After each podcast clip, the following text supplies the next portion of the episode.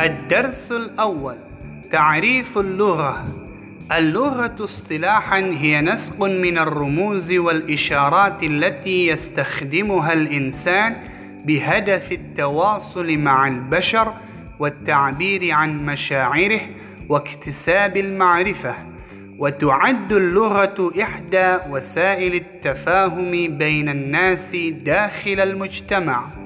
ولكل مجتمع لغة خاصة به وتعرف اللغة اصطلاحا بأنها عبارة عن رموز صوتية لها نظم متوافقة في التراكيب والألفاظ والأصوات وتستخدم من أجل الاتصال والتواصل الاجتماعي والفردي.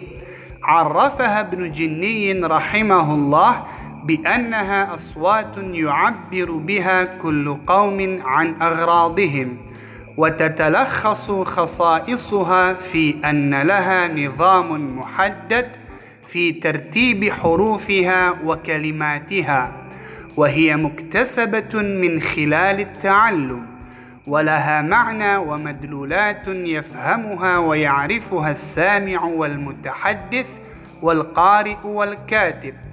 ولها استقلالية ومميزات عن اللغات الأخرى وتعتبر ظاهرة اجتماعية تتسم بعدم الثبات والعربية تعتبر من أقدم اللغات في العالم ويتحدث بها كافة سكان دول الوطن العربي.